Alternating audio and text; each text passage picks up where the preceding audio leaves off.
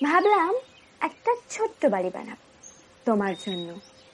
যদিও তাজমহল নয়, ছোট্ট একটা বাড়ি, যেখানে তুমি আর আমি শান্তিতে বাস করতে পারব। তাই লেগে পড়লাম ইট, বালি, সিমেন্টের খোঁজে। পয়সাও জমাতে শুরু করলাম। একদিন হঠাৎ তুমি এসে বললে, আমার জন্যে আর বাড়ি বানাতে হবে না। সে আমার জন্য একটা মস্ত বড় বাড়ি বানিয়েছে। আমাকে ভুলে যাও। কিছু বুঝে উঠতে পারলাম না। তাই সদ্য আনা উঠোনে রাখা ইট বালির পাশে জড় পদার্থের মতো বসে পড়লাম। মাথাটা বন বন করে ঘুরতে থাকল। আমার আর বাড়ি বানানো হলো না। এখন অনেক বছর হয়ে গেছে। আমি এখন একটা ছোট্ট বাড়িতে থাকি। অবশ্য একা নয়, অনেকের সাথে। তারা সব বিদঘুটে, কেউ বা হঠাৎই চিল্লিয়ে ওঠে, কেউ বা হঠাৎই গান গেয়ে ওঠে। আমি সর্বদা তাদের থেকে একা থাকার চেষ্টা করি।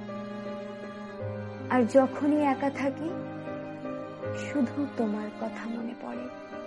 শুধু তোমার মনে পড়ে তোমার কলেজের সামনে দাঁড়িয়ে থাকা, মনে পড়ে তোমার সঙ্গে নন্দনে ফিল্ম দেখা।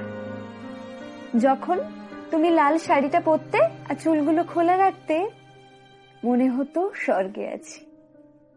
একবার দুদিনের জন্য বাইরে গেছিলাম বলে, তোমার সে কি কান্না, তোমার বারংবার মিস কল আর শুধু এস এম এস আমার আজও মনে পড়ে যায়।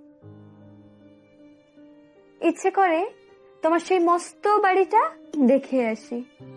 কিন্তু কি করি বলো? পায়ে যে শিকল বাঁধা, সামনে মোটা লোহার দরজা অনেকবার পালাতে গিয়ে খেতে হয়েছিল কারেন্ট শক জানো, সবাই নাকি বলে, আমি পাগল হয়ে গেছি। আর যে ছোট্ট বাড়িটায় থাকে, সেটা নাকি পাগলা গারদ।